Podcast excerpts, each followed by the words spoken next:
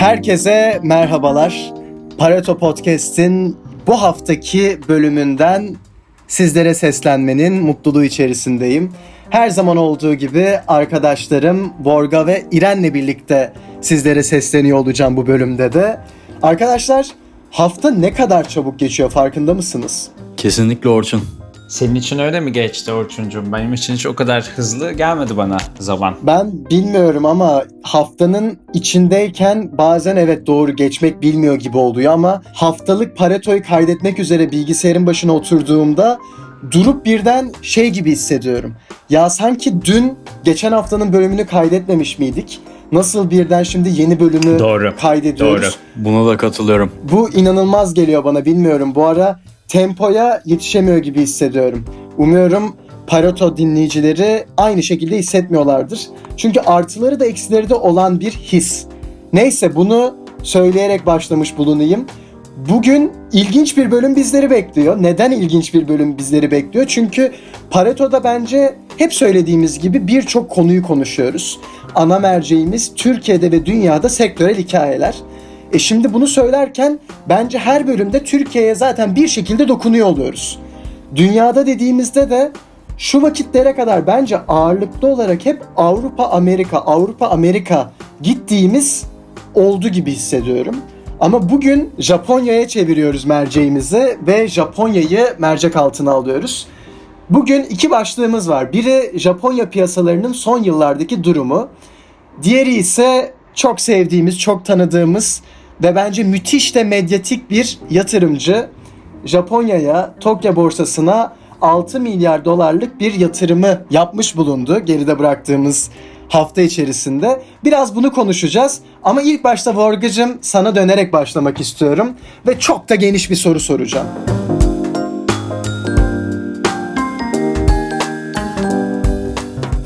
Nereden çıktı bu Japonya? Hem Pareto Podcast için hem de dünyada şimdi bu yatırım var, bir şeyler var, piyasalarda değişik hareketler var. Merceğimizi nasıl oldu da bugün Japonya'ya yönlendirmiş bulunuyoruz. Evet çok güzel bir soru Orçun. Ee, teşekkür ederim. Açıkçası e, Warren Buffett e, bütün dünyaya ters köşe yapmayı sürdürüyor. Ya esasında şöyle bu 5 şirketin 4'ü değerinin altında işlem gören hisseler olduğunu söylüyordu uzmanlar. Dolayısıyla hisselerin ederinin Buffett'ı cezbettiği kesin. Keza zaten 90. yaş günüydü geçtiğimiz pazar günü Buffett'ın. Doğum gününde aldı bu hisseleri. Belki de e, duygusal bir anıydı. Bunları bir araya getirdiğimizde aslında güzel bir cevap çıkıyor. Tabii e, neden Japonya? Çok enteresan. Başbakan Abe'nin yani Abe ekonomilerini getiren, bir nevi Keynesyen ekonomileri getiren Abe yönetiminde Abe'nin istifasını takiben bu yatırımların gelmesi biraz şaşırtıcıydı. Çünkü esasında Buffett biraz da bu e, Keynesyen ekonomiye yatırım yapmış gibi gözüküyordu. Fakat Abe'nin istifasına denk gelmesi de biraz şaşırtıcıydı. Japonya'nın dinamikleri de değişkenliğe açık şu sıralar. Ama 6 milyar dolar harcadı. Buffett için büyük bir para değil. %5 hisse satın aldı toplamda. Bu şirketlerin içinde Itochu, Marubeni, Mitsubishi, Mitsui ve Sumitomo gibi şirketler var. Bunlara biz Sogo Shosha diyoruz. Yani bir nevi Japonya'nın 5 büyük holdingi, konglomerası her birinden %5'er aldı. Dedi ki mikrofonu aldı eline Buffett. Berkshire Hathaway Japonya'nın geleceğinde rol oynayacak. Bundan dolayı da ben mutluluk duyuyorum dedim. Esasında kısaca cevabım bu olur. Şimdi uzun uzun gireceğim buna ama bir Abe'nin istifasından bahsettim. Ona dönmek istiyorum. Şimdi Japonya tarihinin en uzun başbakanlık yapmış başbakanı e, sağlık sorunları sebebiyle istifa etti. Esasında bu istifa çok enteresan bir istifa. Çünkü Japonya'nın e, yakın tarihine bakarsanız başbakanlar hep bir sene görev yapıyor. Bir sene veya iki sene görev yapmış başbakanlar var. Fakat bu kadar e, uzun yani işte 2014 ve 2017 seçimlerini kazandı Liberal Demokrat Parti ile ve e, uzun süre bir görev yaptı. Güçlü bir liderdi orada. Gelir gelmez de biraz önce söyledim zaten bu Keynes ekonomi politikalarına benzeyen böyle yapısal reformlarla geldi. Ülkenin zaten 20 yıldır duran bir büyümesi vardı. AB yönetimiyle biraz böyle şey oldu kıvılcım gözüktü şirketler olsun, tüketiciler olsun ucuz kredi imkanı buldu. Altyapı, hükümet harcamaları arttı. gitgide popülerleşti. Biraz aslında şeye de çabaladı. Ülkede kadınlar ve göçmenlerin iş hayatına katılımına. Fikirsel bayağı bir mesai harcadı ama pek de başarılı olamadı aslında. Küresel de büyümenin etkisiyle zaten dünyada da e, yatırımlar harcamalar arttı. Derken işte keza turizmde de patlama yaşandı Japonya'da o dönem. Yani borsa yükselmeye başladı. İyi gidiyordu aslında. Fakat son yıllarda tekrardan bu bir düşüşe geçti. Özellikle pandemi döneminde. Aa, İren de bol bol yazıp çiziyordu diye. Sanki ben okudum senden e, Japonya'daki küçülmeyi geçtiğimiz aylarda. Aa, Mesleki deformasyon diyebilir evet. miyiz Borga Bey? Biz de böyle artık e, belli şeyleri yazıp çiziyoruz ama keza Buffett'a dönelim ya Japonya'yı bu kadar anlattım. Neden anlattım? E, çünkü Buffett zaten sürekli bir yerlere yatırım yapıyor. Ama Japonya'nın şöyle bir durumu vardı. Herkes parasını Japonya'dan çıkartıyordu. Özellikle Buffett'ın da memleketi ABD'deki yatırımcılar paralarını Japonya'dan çekiyorlardı. Bu bir ters köşe oldu. Zaten e, yani Buffett genelde bir hisseye yatırım yapacağını söylerse o hissenin değeri atıyorum tabii ki ortalama %10 değer kazanır. Yani buna sebep olan bir insan. Yatırım gurusu bu. Omaha kahini. evet. Kısaca toparlamak gerekirse yani 90 yaşında artık Buffett ve Japonya'yı seçti. Uzun süredir büyük yatırımcıların tercih etmediği bu piyasayı tercih etti ve bütün oyuncuları şaşırttı. Zaten onun da etkisiyle hemen hisseler burada da yükseldi. Bakıyoruz işte Marubeni'ye, Sumimoto'ya hisseler %9'un üzerinde yükseliyor. Mitsubishi'de, Mitsui'de %7'nin üzerinde bir artış var. Itochi'de de %4,2. Hepsi e, gayet fırladı. Zaten biraz önce bahsettim 4 şirket zaten e, ederinin altından işlem görüyor gibi söylemler vardı uzmanlar tarafından. Bir tek Itochu e, kendi değerinde işlem gören bir şirketti. Bunun fiyatlarda yatırımcının ilgisini çekti. Bir katalizör görevi gördü diyebiliriz. Şimdi zaten Buffett'ın şirketi adamın 146 milyar dolar nakiti var yani. Hani 146 milyar dolar nakitten bahsediyoruz. Apple'da, Coca-Cola'da, American Express'te, Bank of America gibi şirketlerde büyük büyük yatırımlar var. 30 Haziran'da Apple'daki hisselere 125 milyar dolarlık hissesi vardı Apple'da. Yani 2 trilyonluk şirketin 20'de biri Omaha kaininin diyebiliriz. Keza işte Buffett'ın çok geniş bir portfolyosu var. Bu Japonya'ya burada adım atması biraz da azaldı tabii şimdi nakdi. 146 milyar dolarda herhalde 140 falan oldu. Keza hani koronavirüs döneminde de bir azalma yaşamıştı. Onu da burada konuşmuştuk sanırım. Ya da yine ben İren'le baş başa bir e, ofis odasında da konuşmuş olabilirim ama Delta, Amerikan gibi hava yolları dibe vurduğunda da bayağı para kaybetmişti Buffett. Hava yollarından çıktı zaten sonra direkt. Hava yollarındaki bütün şeylerini, ilişiğini kesti kendisi. Evet evet. Sonrasında da öyle bir çıkış yapmıştı. Yani şimdi de Japonya'ya girdi. Buranın benim ilgimi çeken kısmı aslında Japonya'da başbakan istifa ediyor. Japonya'da başbakan istifasını takiben ülkedeki makroekonominin durumu belli değil. E, fakat böyle bir risk alıyor ve böyle bir yatırım yapıyor. Açıkçası Japonya'nın geleceği adına bende soru işaretleri doğuran bir hamleydi. Benden açıkçası bu kadar heyecanlandırdı beni. Japonya'yı da çok severim. Ayrıca sevdiğim bir ülke. Borgacığım yorumların için teşekkür ederim. Burada tabii ki İren'e dönmeden olmaz. Öncelikle İren sen de Borga'nın Japonya'ya olan sevgisini paylaşıyor musun? Önemli sorulardan bir tanesi bence. Ardından da şunu sormak istiyorum. Aynı şekilde sende de bir şaşkınlık var mı? Bu yatırımın ardından neler düşünüyorsun? Yine de beklenebilir, anlaşılabilir bir durum muydu? Yoksa yakından da incelediğini biliyorum bu yatırım süreçlerini. Senin için de garipsediğin ve yarınlarda ne getireceği belirsiz adımlardan bir tanesi mi? Buffett cephesinde duymak isterim. Evet Orçun. İlk sorundan başlayalım. Morgan'ın Japonya'ya olan sevgisini paylaşıyor muyum? Ya şöyle. Japonya benim en çok gidip görmek istediğim ülkelerden biri aslında. Henüz böyle fırsatım olmasa da bir gün gerçekten e, Tokyo'sundan başlayarak diğer şehirlerine uzanarak Osaka'sıdır, Kyoto'sudur buralarını bir gezip görmek istiyorum. Oldukça merak ediyorum burayı. E, diğer yandan asıl konumuza dönersek Warren Buffett'ın bu Japonya'daki hisselere yaptığı yatırım beni şaşırttı mı? Kısmen evet ama bir yandan da şöyle anlaşılabilir olduğunu düşünüyorum. Parça parça gidelim. Neden kısmen evet şaşırttı? Çünkü e, Japonya ekonomisi yıllardır çok yakından bilmesem de, çok yakından takip etmesem de açıkçası yani uzaktan uzaktan gördüğüm kadarıyla belli problemleri olan, bu problemlerini böyle gevşek para politikalarıyla çözmeye çalışan ama bir türlü istikrarlı bir büyüme trendi yakalayamayan hani istikrarlı büyüme trendi derken zaten hani gelişmiş bir ekonominin atıyorum bir Çin hızında büyüme göstermesini bekleyemeyiz elbette ama böyle Japonya'nın yıllık e, gayri safi yurt içi hasıla büyümelerine baktığımız zaman hep böyle bir gidip gelen bir dalgalı grafik görüyoruz. Aralar ara sıfırın altına iniyor.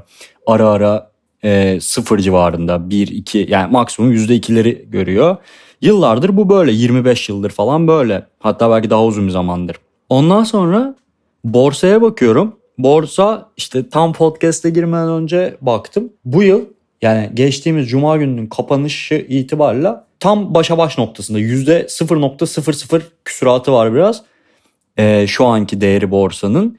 Ee, ama tabii Buffett'ın hamlesi bunu yakında biraz daha yukarı yöne doğru taşıyabilir elbette. Diğer ekonomik indikatörlerde de makroekonomik indikatörlerde de dediğim gibi belli başlı problemler var.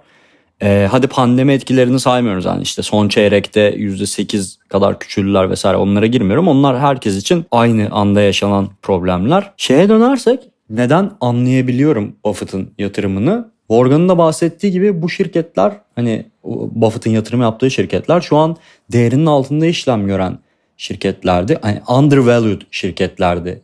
Dolayısıyla Buffett'ın genel yatırım prensiplerini düşündüğümüz zaman hani değer yatırımcılığı, hani uzun vadeli perspektifini ve o şeyini sakinliğini düşündüğümüz zaman o açıdan beni şaşırtmıyor. Yani eğer Buffett bu şirketlerin hisselerinin e, değerinin altında olduğunu düşünüyorsa ve bunun normal seviyelerine geleceğini inanıyorsa ve hatta belki Abe'nin çok uzun yıllardır ülkenin başında olan Abe'nin gidişiyle belki ülkeye bir taze kan geleceğini buraya bir parantez açıyorum geleceğim cümlenin sonunda.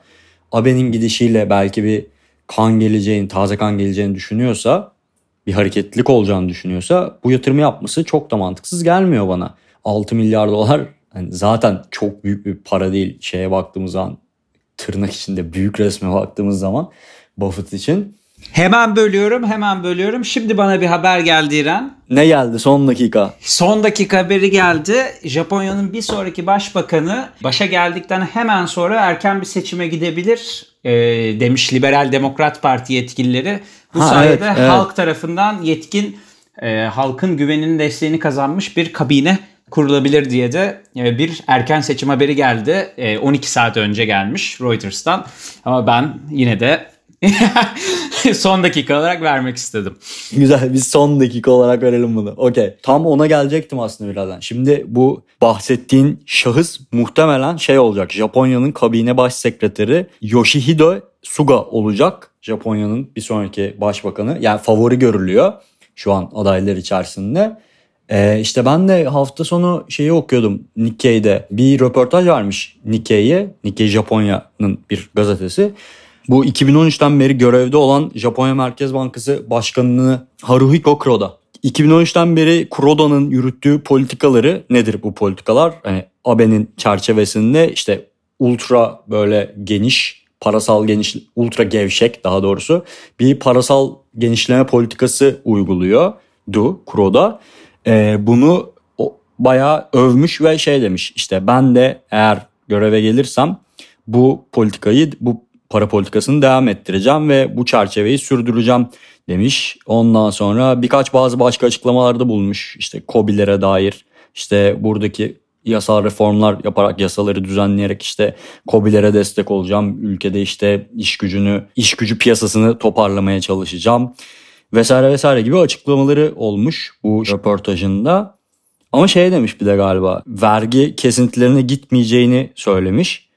Ee, bu aslında ana politika çerçevesine biraz şey ters düşüyor ama ya sonuç olarak şimdi Suga gelirse Suga ile başka biri gelirse başka birinin biraz dediğim gibi başta taze kan getirmesiyle ekonomide ufak ufak bir hareketlilik yaşanabilir. Eğer tabii ki bu öncelikle pandemi sürecini atlatabilirsek ve bu hareketlilikle birlikte ve işte Buffett'ın buraya olan ilgisinin küresel yatırımcıların ilgisini de Japonya'ya çekeceğini düşünürsek Japonya piyasalarının önümüzdeki günlerde biraz daha yükseldiğini görebiliriz ve dolayısıyla bu haftanın gelişmeleriyle birlikte ben de artık bir gözüm en azından bir süreliğine Japonya'da olacak.